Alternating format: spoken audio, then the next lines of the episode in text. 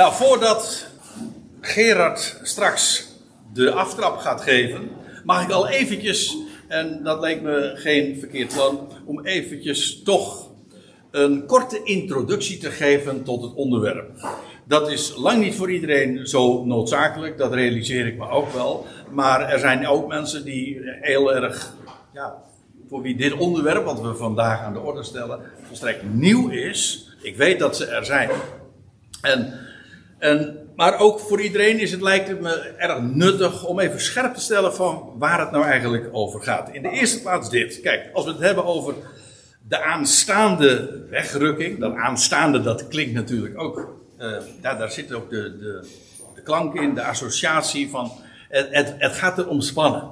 En, uh, dit is wat we hebben te verwachten. Maar even dat woord wegrukking. Ik heb het tussen aanhalingstekens gezet. Omdat de term uh, wat onbekend is. Maar het is wel een heel trefzeker woord, denk ik. Voor voor waar we het over hebben. Ik vind trouwens het plaatje wat ik uh, vooruit gekozen heb, en dat zal in de, u zult het nog wel vaker zien, vind ik eigenlijk wel doeltreffend en ook heel illustratief, omdat het iets aanduidt van een, een noodtoestand, een crisis, maar ook van een evacuatie. Vlak voordat het werkelijk erom gaat spannen, zal er een evacuatie plaatsvinden. En dat is waar we het eigenlijk ook over hebben, wanneer we het woord wegrukking gebruiken. De term is ontleend, dat laat ik dat als eerste dan even mogen zeggen. De term is ontleend, de, de titel daarmee ook van deze hele dag, aan een woord in 1 Thessalonica 4. Niet uitsluitend, maar wel in de eerste plaats. En 1 Thessalonica 4, vers 17. Kijk, het idee is deze. Eh, de gelovigen daar in Thessalonica, want Paulus schrijft een brief aan hen. Hij was daar eh, kort tevoren nog geweest. En we vinden dat beschreven in Handelingen 17. En dan lees je. Paulus had toen al gesproken over de, ja, de gebeurtenissen in verband met de terugkeer van de Heer Jezus Christus. En toen waren er inmiddels kennelijk uh, mensen overleden, uh, gelovigen ontslapen. En de vraag was: gaan die straks dat dan missen? die, die, die terugkeer van de Heer. En dan, dan is het antwoord uh, dat Paulus geeft, en hij zegt dat ook met een woord van de Heer. Dat wil zeggen, hij zegt dat niet op eigen gezag. Hij zegt: Ik heb dit zelf van de Heer ook vernomen. Uh, dat is dat op het moment dat de bazuin zal klinken, en de bazuin, dat is in feite ook het. Die bazuin zal bij allerlei gelegenheden gaan klinken in verband met de parousia. Daar zullen we het wellicht ook nog wel vandaag over gaan hebben. Maar in ieder geval ook uh, bij het begin van de parousia van de Heer. En dat wil zeggen, als hij zal verschijnen, als hij uh, acte de présence zal geven in, uh, en, en voor ons zal komen, dan zal de bazuin klinken. En dan zullen eerst zij opstaan die ontslapen zijn in Christus. Daar zal wellicht uh, Menno ook vanmiddag nog wel wat over vertellen. Maar in ieder geval, eerst zullen de ontslapenen opstaan. En dan zal er nog een bazuinstoot klinken. En dan lees je in vers 17, en dat wil ik nu eventjes onder de aandacht brengen. Daarna zullen wij, levenden die achterbleven, samen met hen in wolken weggerukt worden. En dit is het woord waar ik het over heb. En vertaling staat, staat trouwens uh, weggevoerd. Overigens, laat ik dat eventjes terzijde nog uh, bij zeggen. Uh, dit is uit de NBG-vertaling met af en toe een correctie erbij. Vandaar dat ik erbij heb gezet NBG+. Als ik het cursief druk. ja, als je het corrigeert, dan is het dan. Uh, niet direct uh, kritiek hoor, maar dit is wel ook even ter toelichting. Maar als het cursief staat, dan geef ik daarmee aan dat het afwijkt van de MBG-tekst. Dus dan bent u bij deze ook gewaarschuwd. In de MBG-vertaling staat trouwens zo weggevoerd worden. En de term is eigenlijk in het algemeen wat beter bekend in de christelijke wereld. Nou ja, wat heet. Als, als de opname. Maar eigenlijk is het een, een, een, een, inderdaad een evacuatie en het duidt ook op geweld. In ieder geval, wat Paulus zegt is: eerst zullen de doden bij die gelegenheid opgewekt worden, degenen die ontslapen zijn in Christus. Dan vervolgens zullen wij, levenden, degenen die dus op dat moment nog in leven zijn, uh, samen met hen in wolken weggerukt worden. En dan staat erbij de Heer tegemoet. Of tot ontmoeting van de Heer in de lucht daarboven. En zo zullen wij altijd met de Heer wezen. Dan zegt Paulus erbij: bemoedigt elkaar dus met deze woorden. Nou, eigenlijk om die reden zijn wij hier vandaag uh, bij elkaar gekomen om elkaar aan te moedigen. Overigens, ik moet er nog iets even bij zeggen. Dat is een persoonlijke noot. Maar uh, er zou vandaag, de moeder van uh, Linda en Judy, zou hier vandaag ook zijn. En ze is afgelopen donderdag ontslapen. Uh, Linda en Judy die zijn hier nu wel. Maar het geeft maar aan hoe, ja, hoe actueel die woorden dan ook bij, voor, voor hen dan in het bijzonder zijn.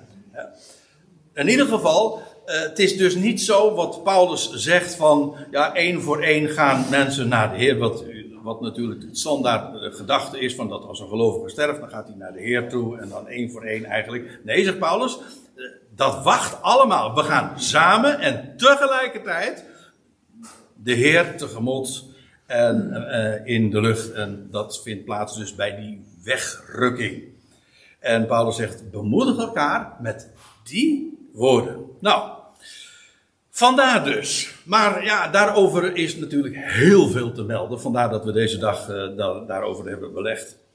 En uh, we zullen later vandaag nog wel zien hoe, eigenlijk, hoe we eigenlijk tekort doen aan, uh, aan dit onderwerp door slechts één dag daarover te spreken.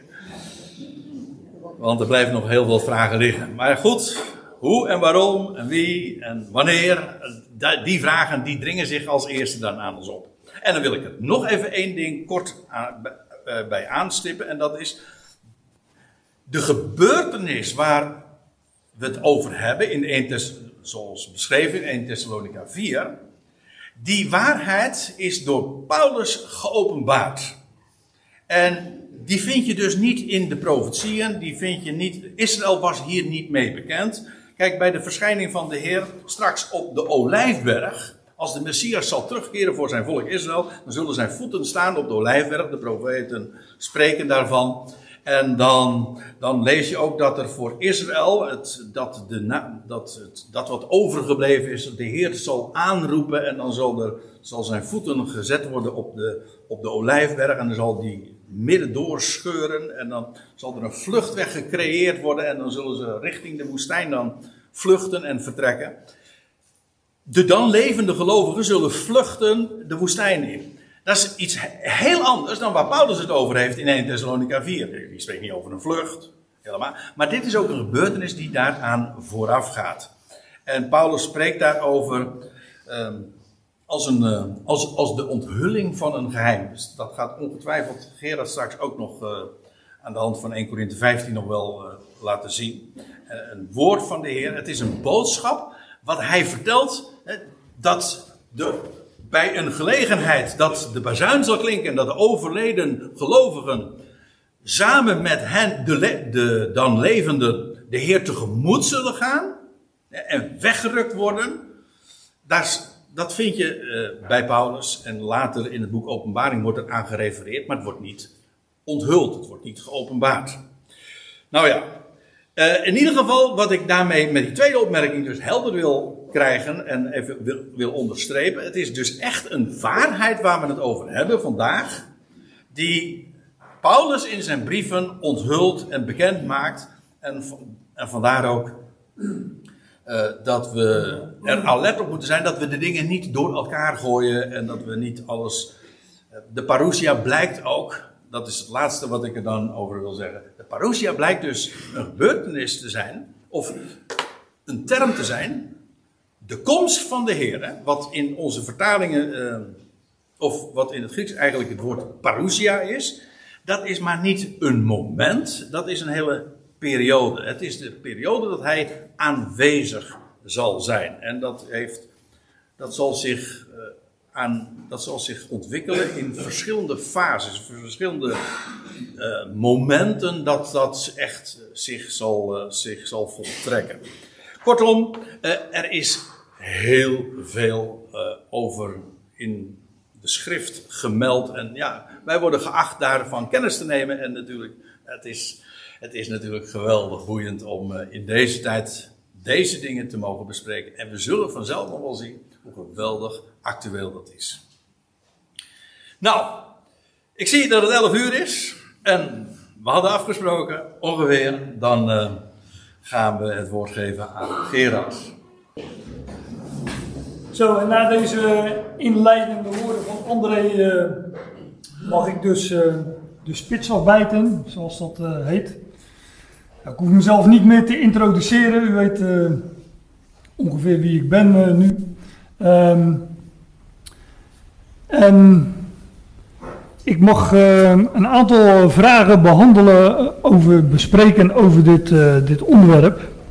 En um, ja, als je zo'n onderwerp gaat bespreken, dan, ehm, daar hebben wij het ook even over gehad in de, in de voorbereiding. Er zijn er natuurlijk een aantal mogelijkheden waarop je dat naar voren brengt. Je zou kunnen zeggen, we willen deze schriftgedeelte behandelen. Nou, pak jij die twee, drie uh, schriftgedeelten. Menno, jij die, André die, uh, Gerard die. Um, maar we hebben ervoor gekozen om, um, om dit onderwerp te bespreken naar aanleiding van een aantal vragen die je erover kunt stellen. Het is hoe dan ook, het bespreken van zo'n onderwerp, ja, ik vergelijk het altijd maar met een legpuzzel. je hebt hier een stukje, daar een stukje. Nou, André uh, haalde net uh, 1 Thessalonicense 4 al naar voren. 1 Korinthe 15. Nou ja, ga zo maar door. Ik ga ze niet allemaal opnoemen. Maar op een dag als dit kun je dan, zei André ook al even, toch niet de hele puzzel uh, leggen. Want ja, er is toch wel heel veel wat gaat over dat moment en ook over de gebeurtenissen die daarmee samenhangen. Maar we gaan daar uh, voor een, uh, goede basis uh, leggen op deze dag. En zoals gezegd, ik mag de spits, of is het het spits, afbijten. En um, een aantal vragen beantwoorden, onder andere deze. Wat gebeurt er nu precies bij die wegrukking? Daar heeft André ook al iets over gezegd. Um, daar ga ik dus nog wat op verder. En uh, ja, het hoe of het waarom worden wij weggerukt. En je zal ook wel merken uh, bij de bespreking van de diverse sprekers dat er ook wel wat overlap is. Ik bedoel, um, André zal ook ongetwijfeld iets gaan zeggen over het waarom, omdat hij de vraag gaat bespreken van ja, wat, wat is nou dat moment, het wanneer van de wegrukking. En die wegrukking vindt dus plaats in een context van diverse gebeurtenissen hier op aarde. Dus je zou kunnen zeggen, in verband met die gebeurtenissen is er ook uh, antwoord te geven op de waarom-vraag. Maar ik wil die, dat klinkt een beetje cryptisch nog, maar de, bij het beantwoorden van de vraag waarom wij worden weggerukt, wil ik niet te veel de blik richten op de aarde, maar meer de blik omhoog richten. En de vraag, naar aanleiding, de, die vraag van waarom worden wij weggerukt, um, meer vanuit die context, vanuit de hoogte, dus de, de dingen zoeken die boven zijn. Um, dat, ja, nogmaals, dat klinkt cryptisch, maar ik kom, er, uh, ik kom er vanzelf op. Ik ga dus ook starten bij um, 1 Thessalonicense 4, bij de vraag van wat gebeurt er nu bij de wegrukking? Want ook 1 Thessalonicense 4 zegt iets over wat er gebeurt bij de wegrukking. Nou, ik, uh, André heeft daarvoor al wat uh, voorzetten gegeven, dus ik hoef daar alleen maar uh, op in te haken. En dus ik denk dat ik door 1 Thessalonicense 4 dat ik daar vrij snel doorheen kan. Paulus zegt daar, en de zin begint al met want, dus eigenlijk had ik nog verder terug moeten gaan, maar uh, dat heeft André ook al even aangehaald. Vanaf vers 13, dit is vers 15, maar vanaf vers 13 zegt Paulus uh, tot de Thessalonicenzen dat hij niet wil dat zij bedroefd zijn omtrent degene die al ontslapen zijn. Er waren, ja, er waren, die, er waren dus onder die gelovigen in Thessaloniki, Thessalonica, onder die Thessalonicenzen, waren er gelovigen die al waren ontslapen. En wat leefde bij die Thessalonicenzen was de vraag van ja, maar hoe zit het dan met hen, degene die al ontslapen zijn? Missen die dan de boot bij dat moment? Nou, die vraag beantwoordt Paulus in, dat, in dit gedeelte. En hij zegt, dit zeggen wij tot jullie met een woord van de Heer. Dus dat had Paulus, ook dat heeft André al even gezegd, had hij overgeleverd gekregen van de Heer, door de Heer rechtstreeks. Dit zeggen wij tot jullie met een woord van de Heer, dat wij, de levenden die overblijven, tot in de parousia van de Heer, het, ook de, nou ja, ik kan er, het is heerlijk, ik kan er lekker op inhaken wat André al gezegd heeft. Die parousia, dat is dus um, niet slechts het moment van zijn komst, maar ook een hele reeks van gebeurtenissen die daarop zal volgen. De eigenlijk kun je zeggen dat de wegrukking het startschot daarvan is. Maar net als bij de eerste komst van de Heer, dat lezen we in Matthäus, Marcus en Lucas, de evangeliën, daar verstaan we ook een langere periode onder. Vanaf zijn geboorte tot aan zijn dood en opstanding. Nou, zo is ook de parousia van de Heer een langere periode. Letterlijk betekent het woord trouwens, André zei, als hij acte de présence geeft, maar als, uh, dat is de periode van zijn aanwezigheid. Dat betekent het woord parousia ook letterlijk in het Grieks, aanwezigheid. Maar de meeste vertalingen geven hier komst of toekomst. Zijn verschijning, maar dan weten we waar het over gaat. Dit zeggen wij tot jullie met een woord van de Heer, dat wij, de levenden die overblijven tot in de parousia van de Heer, absoluut niet degene die ontslapen zijn zullen inhalen. Paulus zegt dus, degenen die nog leven op het moment waarover hij het nu heeft, die zullen degenen die ontslapen zijn, dus niet voorgaan, niet inhalen. En Paulus vertroost, bemoedigt de Thessalonicensen met betrekking tot degenen die uh, al ontslapen zijn. Daar informeert hij hen over. Want de Heer zelf zal, en dit heb ik even tussen haakjes gezet, het is geen tussenzin, maar ik heb het even tussen haakjes gezet omdat ik al die verschillende dingen die staan niet uh, één voor één ga, ga bespreken. De Heer zelf zal in een commando, in de stem van de overste van de boodschappers, of in de stem van de aartsengel, misschien zegt André daar nog iets over, ja knikt hij. Um, want dat zegt iets over het tijdstip, het wanneer van de wegrukking. De Heer zelf zal in een commando, in de stem van de aartsengel, of de overste van de engelen, overste van de boodschappers, en in de bezuin van God neerdalen vanaf de hemel. De hoofdzin is dus, de Heer zelf zal neerdalen vanaf de hemel. En de doden in Christus zullen eerst opstaan. daar bemoedigt Paulus die uh, Thessalonicenzen mee. Vervolgens zullen wij, die levend overblijven, de levenden die overblijven, tegelijkertijd samen met hen weggerukt worden in wolken tot, tot ontmoeting van de Heer in de lucht. Er zit dus een bepaalde volgorde in. De doden in Christus, degenen die ontslapen zijn, zij zullen eerst opstaan.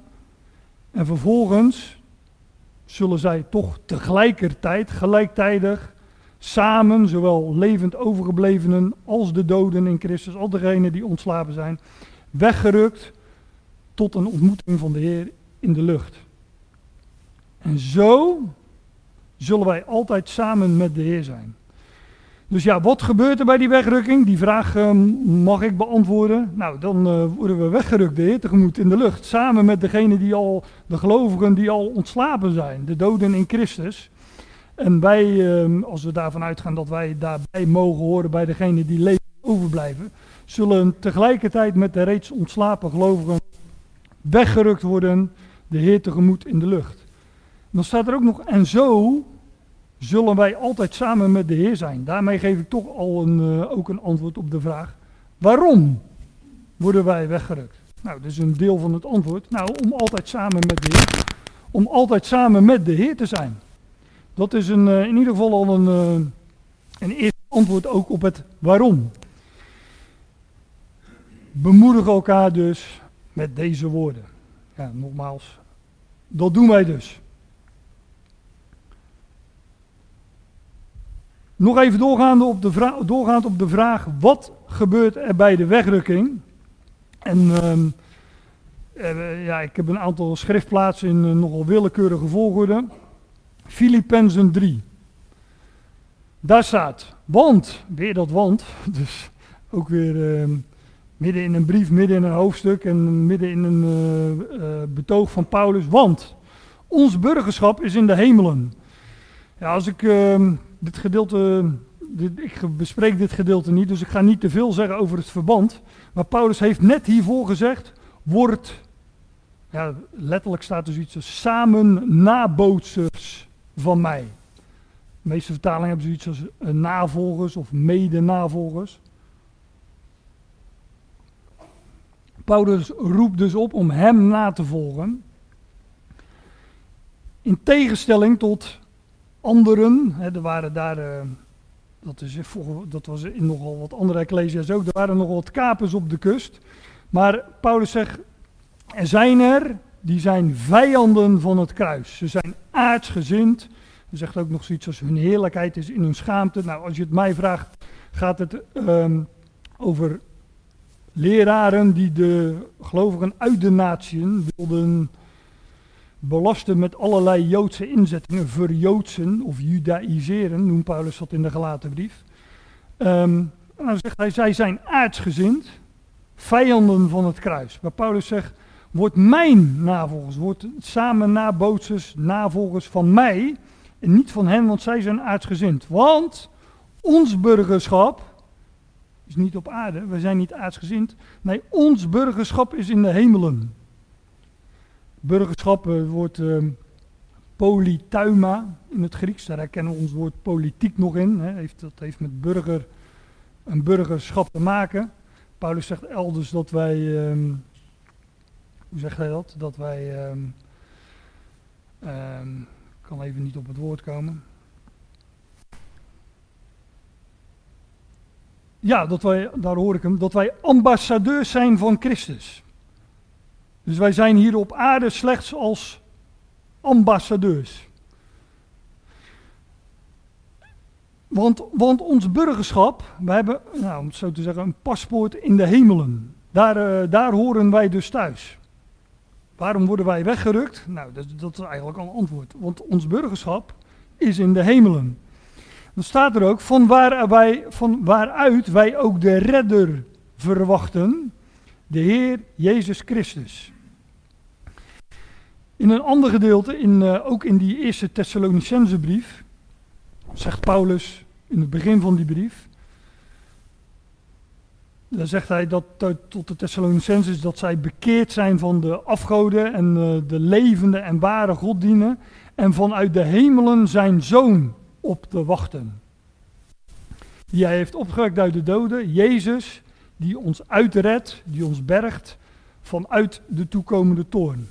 Is dat ook nog een gedeelte waar jij het over gaat hebben, André? Ja. Nou, dat bergen of uitredden uit die toekomende dat is die helikopter uh, van André die je net zag. Maar daar gaat hij straks zelf uh, meer over vertellen. Maar wij wachten dus op, staat hier in uh, Filippenzen 3, maar ook in 1 Thessalonians 1. Wij wachten dus op zijn zoon. We verwachten vanuit de hemelen zijn zoon. Van, waar wij, van waaruit wij ook de redder verwachten, de Heer Jezus Christus. Maar wat, wat gaat hij doen? Die het lichaam van onze vernedering van gedaante zal veranderen. Hij komt dus vanuit de hemelen en daar wachten wij op, dat verwachten wij, om het lichaam van onze vernedering, ons vernederd lichaam, te veranderen, van gedaante veranderen. Dat van gedaante veranderen, dat is in, ik weet niet of jullie het allemaal kunnen lezen, maar dat is in het Grieks meta, schematizei. En meta, dat is een verandering. En het woord schema, dat kennen wij. Een schema is een figuur, een schema, een, een, een vorm. Meta, en het laatste woord is uh, zoiets als maken. Dus het, het, het veranderen van, van figuur veranderen. Het zal ook dames aanspreken natuurlijk. Maar heren wellicht ook.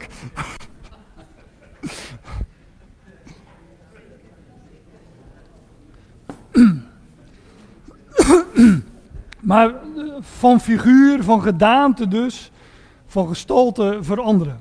Maar wij hebben, wij hebben een vernederd lichaam, een lichaam van vernedering. En dat wordt van gedaante veranderd. Dus dat wordt dus van vernederd, vernederd, eh, van een vernederd lichaam een verhoogd lichaam. Maar het staat hier uh, iets anders. Hij gaat het gelijk, ik lees vast even, hij gaat het gelijkvormig maken aan het lichaam van zijn heerlijkheid. Maar wij ondergaan dus het lichaam van onze vernedering wordt van gedaante veranderd. Wij ondergaan dus een meta, ook weer dat woord meta, een verandering, een metamorfose. En een metamorfose is ook een, meta is die verandering, morf is een vorm, een gedaante van, een verandering van vorm. Zoals wij worden van, zeg maar, dat is natuurlijk een schitterend beeld in, uh, in de natuur. Wij worden van een rups, worden we een vlinder. Van een aards wezentje, een lichaam van vernedering dat aan deze aarde is uh, vastzit met alles wat hij heeft, zo'n beetje. Dat wordt veranderd in een, uh, in een heel, ja, het is nog steeds hetzelfde beestje, maar toch heeft het een totaal nieuwe, veranderde gedaante en het vliegt zo de hemel in, want ons burgerschap is in de hemelen. Die het lichaam van onze vernedering van gedaante zal veranderen, gelijkvormig aan het lichaam van zijn heerlijkheid. Wij worden dus gelijkvormig aan zijn verheerlijk lichaam. Dat opstandingslichaam dat hij, uh, dat hij nu al heeft, heeft als eersteling. Je vindt dat bijvoorbeeld ook uh, in Romeinen 8, om, uh, om er nog een schriftplaats bij te geven ter onderbouwing. Daar ga ik nu niet naartoe, maar daar staat dat wij gelijkvormig worden gemaakt aan het beeld van zijn zoon. We lezen nog even verder. Gelijkvormig aan het lichaam van zijn heerlijkheid naar de inwerking, in het Grieks energie, inwerking, waarmee hij ook alles aan zichzelf kan onderschikken. Hij is niet het onderwerp, uh, hoewel, daar zal ik het ook nog over hebben, maar uh, hij zal ook alles onderschikken. Dat lees je onder andere in 1 Corinthië 15, uh, ook in Efeze 1. Dus dat is de, de, de inwerking, de kracht waarmee hij ons vernederd lichaam gaat veranderen. En uh, gelijkvormig gaat maken aan het lichaam van zijn heerlijkheid. En een, uh, een, een, totale verandering van gedaante. Ja, wat gebeurt er bij, uh, bij de wegrukking?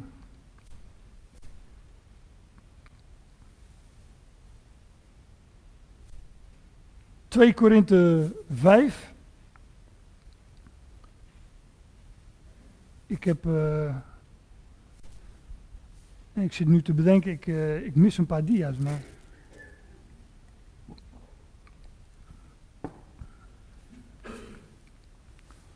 Want 1 Korinthe 15, die had ik volgens mij hierna, maar uh, nou ja. Laat ik, laat ik gewoon verder gaan. In 2 Korinthe 5, ja, dat is een wat, uh, wat onbekender gedeelte, denk ik. Maar uh, zeker wel relevant in het verband van het bespreken van wat gebeurt er nu bij de wegrukking. Daar staat, daar zegt Paulus, want wij weten dat als ons aardse woonhuis van de tent afgebroken wordt, Paulus, wat, wat Paulus hier doet, hij vergelijkt het sterven met het afbreken van een tent. Wij hebben een, zojuist in Filippenzen 3 had Paulus het over een, een lichaam van vernedering. Maar hier, hier vergelijkt hij het lichaam met een tent. Een tijdelijke woning. Een tent is een, eh, ja, die zet je op en die breek je weer af. Dat is de bedoeling van een tent.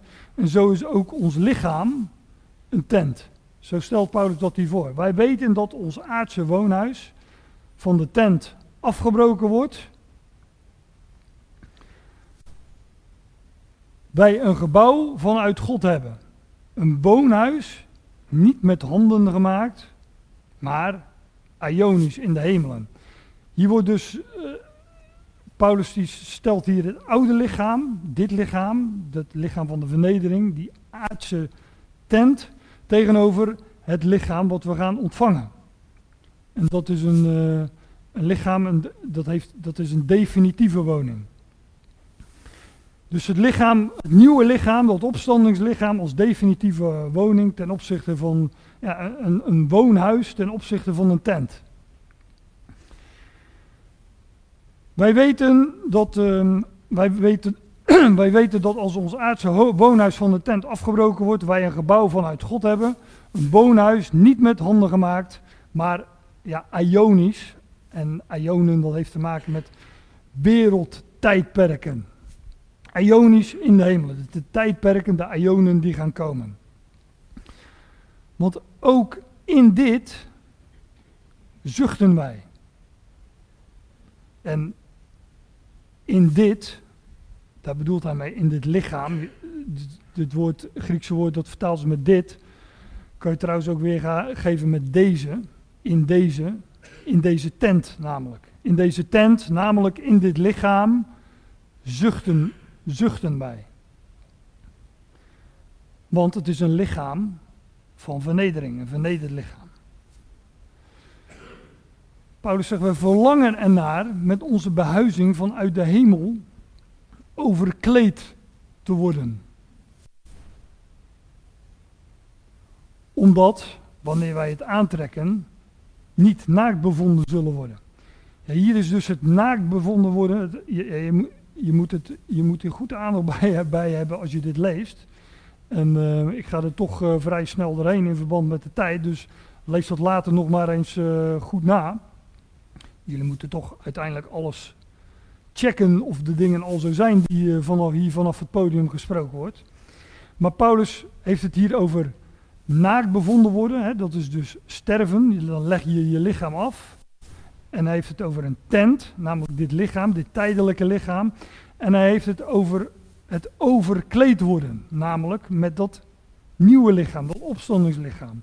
Nou, Paulus zegt, als wij, als wij, ik parafraseer het nu even, als wij nog leven op het moment van de wegrukking, want daar hebben we het over vandaag, dan worden wij overkleed. En wanneer wij dat dan aantrekken, ja, dan zullen wij niet naakt bevonden worden, dan zullen wij niet sterven. Want ook wij, die nog in de tent zijn, wij zuchten bezwaard. dit, zegt, dit vind je bijvoorbeeld ook wat uitgebreider beschreven in Romeinen 8. het zuchten van eigenlijk van deze hele schepping die in barensnood is, omdat ze onderworpen is aan vergankelijkheid. Nou, dat zijn wij dus ook met dit lichaam. Dit lichaam is onderworpen aan de vergankelijkheid en daarom zuchten wij.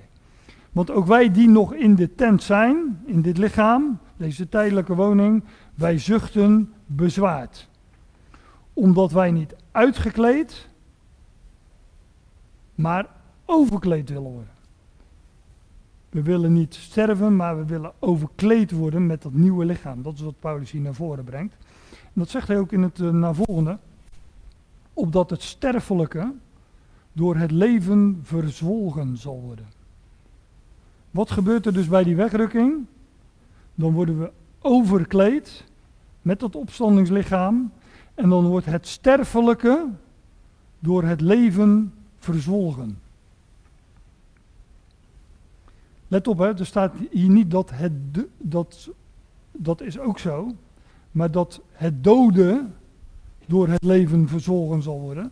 Nee, hier gaat het over het sterfelijke.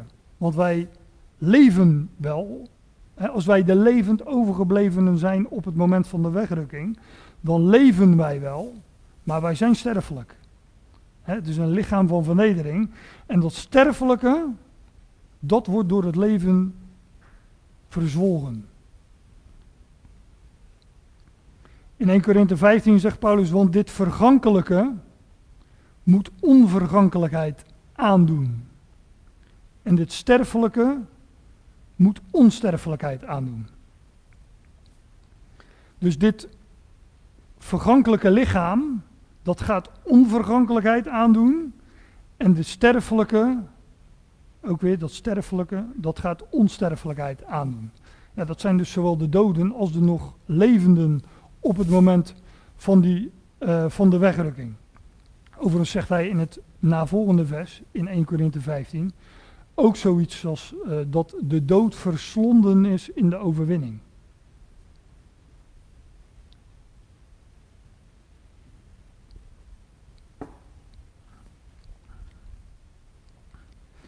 Waarom worden wij weggerukt? Ik, uh, nogmaals, ik, uh, ik, we gaan we straks wel even kijken als ik klaar ben met, uh, met mijn toespraak. Waar 1 Korinthe 15 is gebleven. is weggerukt, denk ik.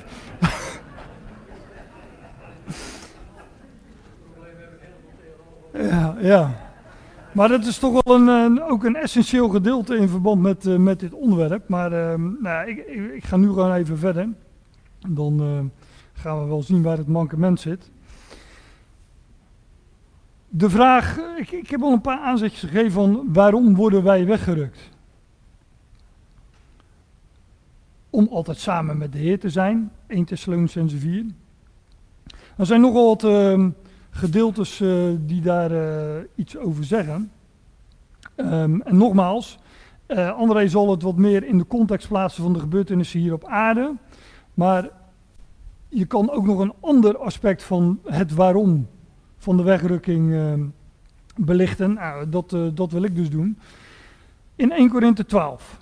Ik ga wel vrij snel door, door deze vers heen. Volgens mij ehm, moet dat ook wel kunnen. Daar staat, want net als het lichaam één is en vele leden heeft, maar alle leden van het ene lichaam die vele zijn, één lichaam zijn. En Paulus heeft het hier over, uh, hij spreekt hier in 1 Korinthe 12 over het lichaam van Christus. En daarmee zegt hij van ja, kijk naar ons lichaam, ons eigen lichaam, ons huidige lichaam. Dat is ook één. Maar het heeft vele leden. Handen, armen, uh, voeten, benen, nou, uh, ga zo maar door. Maar al de leden van het ene lichaam, die vele zijn, zeg maar al de leden van het ene lichaam die vele zijn, die zijn toch één lichaam. Dus, nou, samengevat, het is één lichaam, maar het heeft vele leden. Uh, Paulus wijst op de diversiteit van dat lichaam, maar toch is het één lichaam dan zou je verwachten dat hij zou zeggen, zo ook het lichaam van Christus. Toch? Want net als het lichaam één is en vele, hij maakt een vergelijking, want net zoals het lichaam één is en vele leden heeft, maar al de leden van het ene lichaam, die vele zijn, één lichaam zijn, zo ook het lichaam van Christus. Maar hij zegt het ontzettend kort en krachtig. Hij zegt gewoon, zo ook de Christus. Zo ook de Christus. Dat betekent dat al die leden van dat lichaam,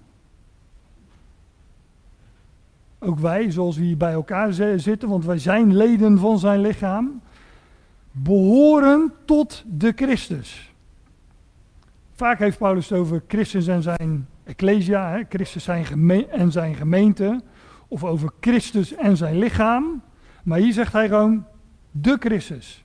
Hij heeft het over hoofd en lichaam. Over dat, ja, dat noemt hij heel kort en krachtig en kort en bondig. De Christus. Dus wij zijn, waarom, waarom worden wij weggerukt? Nou, omdat wij één lichaam zijn met hem. Wij zijn onlosmakelijk met hem verbonden. We horen bij hem. Dus um, eigenlijk de situatie zoals die nu is, dat ons hoofd in de hemel is en wij hier op aarde, die kan niet zo blijven, want we horen bij Hem, we zijn één met Hem. Daarom zegt Paulus ook, en zo, hè, door, uh, door opstanding en door verandering, zo zullen wij altijd samen met de Heer zijn. Dat betekent niet uh, dat betekent niet alleen we gaan hem tegemoet en we gaan naar hem toe en dan, dan zijn we altijd aan zijn zijde. Dat betekent ook dat wij in zijn positie delen. En dat is een onderwerp waar Paulus het in, uh, in, ja, eigenlijk in al zijn brieven wel over heeft. Dat alles wat aan Christus gegeven is, zijn positie, alle beloften die aan hem zijn gedaan, de beloften die aan hem gedaan zijn, die zijn het geheim dat, het geheim dat Paulus bekend maakt, is dat dat niet gaat over één persoon slechts, niet alleen over Jezus Christus, maar over allen die behoren tot, zoals het hier staat, de Christus, het lichaam van Christus. Zij delen in die positie, in die belofte, in alles wat aan hem gegeven wordt en alles wat hem toekomt. En daarom worden wij weggerukt. Om bij hem te zijn, want ik zei zojuist al zoiets als dat, um, dat je de wegrukking kunt zien als het startschot van die parousia, van een hele reeks van gebeurtenissen die zullen gaan plaatsvinden. En eindigend in de onderschikking van het heelal. Nou, dat is gegeven aan de Christus. Maar niet alleen aan Jezus Christus, maar allen die één lichaam met hem zijn en behoren tot de Christus. Waarom worden wij weggerukt? Um, openbaring 12. Daar gaat André denk ik ook nog wel uh, iets over zeggen. Dus ik lees het nu alleen. Openbaring 12, nou, ik zeg daar toch wel iets over, is een uh, visioen. Een, een, een, wordt een beeld naar voren gebracht van een vrouw bekleed met zon, maan, de zon onder voeten, bekleed met zon, maan en sterren. Uh, en die vrouw is zwanger en die is in barensnood om een, een om een kind voor te brengen. En de vrouw, zeg ik nu heel kort, is een uitbeelding van Israël. En die mannelijke zoon is een uitbeelding van, nou dat zeg ik dan gelijk even met een knipoog naar 1 Korinthe 12, van de Christus. Ik zeg niet van Christus Jezus, maar van de Christus, namelijk van hoofd en lichaam. Zij brachten, die vrouw is Israël, de mannelijke zoon is de Christus. Zij bracht een mannelijke zoon voort, die op het punt staat alle naties te hoeden met een ijzeren knots, of die alle naties zal, hij zal heersen over alle naties, dat is het idee. Geprofiteerd al in de psalmen en uh, in het Oude Testament. Zij bracht een mannelijke zoon voort, die alle naties zal hoeden, die op het punt staat alle naties te hoeden met een ijzeren knots. En het kind van haar wordt weggerukt naar God. Dus, ja, dat heb, dat heb ik er nog niet bij gezegd. Die vrouw, die is daar in barensnood. En er is ook nog een ander figuur, een draak, die dat kind wil grijpen en dat kind wil verslinden. Dus er is ook een, sprake van een acuut gevaar op dat moment voor dat kind. Maar die vrouw brengt een mannelijke zoon voort. En dat kind wordt weggerukt, hetzelfde woord als in 1 Thessalonians 4, naar God. Maar er staat iets achter, en daar wil ik op wijzen, uh, en verder bespreek ik dit gedeelte ook niet, en naar zijn troon. En dat staat er niet voor niets. Want die troon, kijk, dat hoef ik niet uit te leggen, een troon is een uitbeelding van heerschappij. En dat kind, die mannelijke zoon, de Christus, is namelijk bestemd voor de troon. De mannelijke zoon, die een uitbeelding zijn van Christus en zijn ecclesia, zijn uitroepsel, zijn gemeente, zijn bestemd om te heersen. Waarom wordt de ecclesia, waarom worden wij weggerukt? Omdat straks die heerschappij gaat beginnen. En wij dus deel uit moeten maken van de Christus. Want op dat moment zullen wij altijd samen met de Heer zijn. Want wij zijn één lichaam met Hem. En daarom worden wij weggerukt. De Heer tegemoet in de lucht. En naar God, staat hier, staat dan, weggerukt naar God. En naar zijn troon. Namelijk om de heerschappij op ons te gaan nemen. Nog eentje. Waarom worden wij weggerukt? 1 Korinthe 6. Daar, uh, daar in, het verband van 1 Korinthe 6, daar waren, um, daar waren gelovigen die elkaar eh, voor de rechter sleepten. En ehm, Paulus zegt, ik zeg het even met mijn eigen woorden, zijn jullie helemaal gek geworden dat jullie dat doen? Of weten jullie niet dat de heiligen de wereld zullen oordelen? En indien de wereld door jullie geoordeeld wordt, zijn jullie dan onwaardig voor de minste rechtbanken? Kijk, ik parafraseer het nu even. Wat Paulus zegt van jullie gaan nu naar een aardse rechter als gelovigen. Maar weten jullie dan niet dat jullie als heiligen, apart gezetten, straks die aardse rechter zullen oordelen? Jullie laten je nu oordelen door een aardse rechter. En straks zit je zelf op die, eh, op die stoel, om het zo te zeggen. En dan moeten jullie, die nu voor een aardse rechter je recht wil halen, nu moeten, nu, straks moeten jullie gezamenlijk zo'n aardse rechter oordelen. Dus Paulus zegt, ja, jullie hebben geen flauw idee van je positie en wie je bent. En de toekomst die je hebt. Hij zegt, weten jullie niet dat heiligen de wereld zullen oordelen? Oordelen, rechtzetten, richten. Weten jullie dan niet dat wij engelen zullen oordelen? Dus Paulus die, ehm, ja, wat hij in dit, eh, ik, ga, ik ga dat niet, nu niet uitgebreider bespreken, maar wat hij eigenlijk zegt hier is dat wij, dat, dat, dat, dat zit daarachter, dat wij als gelovigen die behoren tot het lichaam van Christus dus delen in alles wat hem is beloofd en toegezegd, alles wat hem als, als bezit zal toevallen. En dat, dat is het heelal. De zienlijke, maar ook de onzienlijke wereld. En vandaar dat Paulus zegt, weten jullie dan niet dat wij de wereld zullen oordelen, de zienlijke wereld? Maar hij zegt er ook nog eens achter, weten jullie dan niet dat wij engelen zullen oordelen? Deze hele schepping zal gest- gesteld worden onder de Christus. Onder Christus en zijn lichaam. Dus wij zullen als gelovigen samen met Christus, ook zo'n term uit de brieven van Paulus, samen met Christus, zullen wij het heelal, hemelen en aarden, onderschikken. En onderschikken is een brede term, daar, valt van alles onder.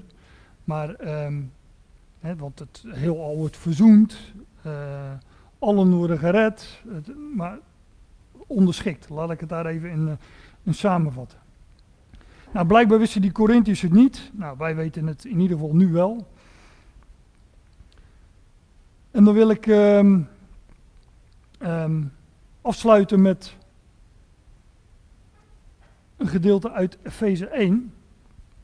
Waarom worden wij weggerukt? Ik denk dat, eh, dat ik het eh, antwoord nu wel eh, heb gegeven. Maar dit, dit is een schitterend gedeelte waar, waar, waar Paulus ook spreekt over hoofd en, en lichaam.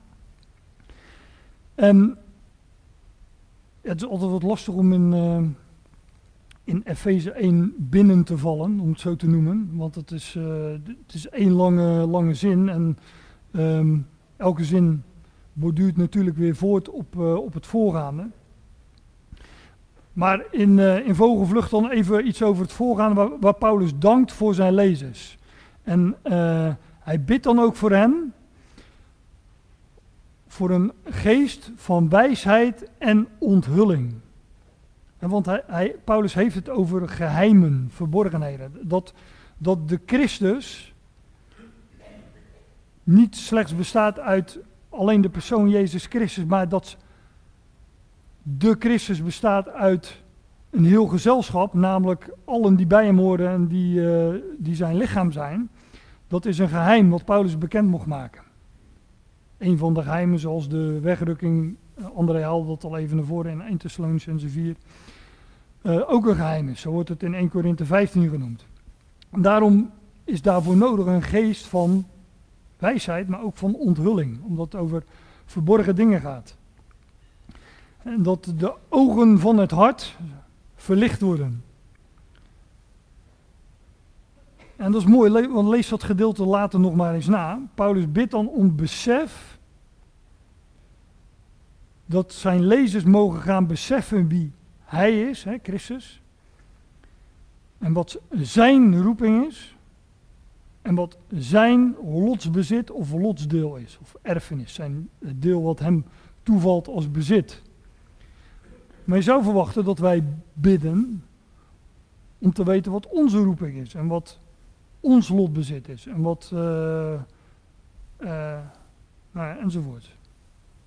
Maar Paulus zegt in besef van wie hij is, wat zijn roeping is en wat zijn lotbezit is. En dat kan hij zeggen omdat zijn roeping en wie hij is en wat zijn roeping is en wat zijn lotsbezit is, dat is ook het onze. Dus als we daar kennis van hebben, als we daar weet van hebben en besef, dan weten we ook meteen wat ons, onze roeping is en wat ons lotsdeel is. En dan zegt hij, en wat de overtreffende grote, ja, lees dat vers nog maar eens na, hij heeft het over grote, macht, uh, sterkte, kracht, komt superlatieve tekort in vers 19. Maar wat de overtreffende grootte van zijn kracht is in ons die geloven, en dan haak ik dus aan in vers 20, die hij heeft ingewerkt in, in Christus, als hij hem opwekt uit de doden en hem zet aan zijn rechterhand in de hemel. Dus die kracht waarmee God inwerkt in, in de Christus als hij hem opwekt uit de doden en hem zet aan zijn rechterhand in de hemel. Paulus zegt dat is de kracht die ook in jullie werkt. Dat is onvoorstelbaar. Die hij heeft ingewerkt in Christus als hij hem opwekt uit de doden en hem zet aan zijn rechterhand in de hemelen. Ver boven alle overheid en autoriteit en macht en heerschappij en alle naam die genoemd wordt. Niet alleen in deze aion, niet alleen in dit perk, maar ook in de toekomende. Dus samenvattend,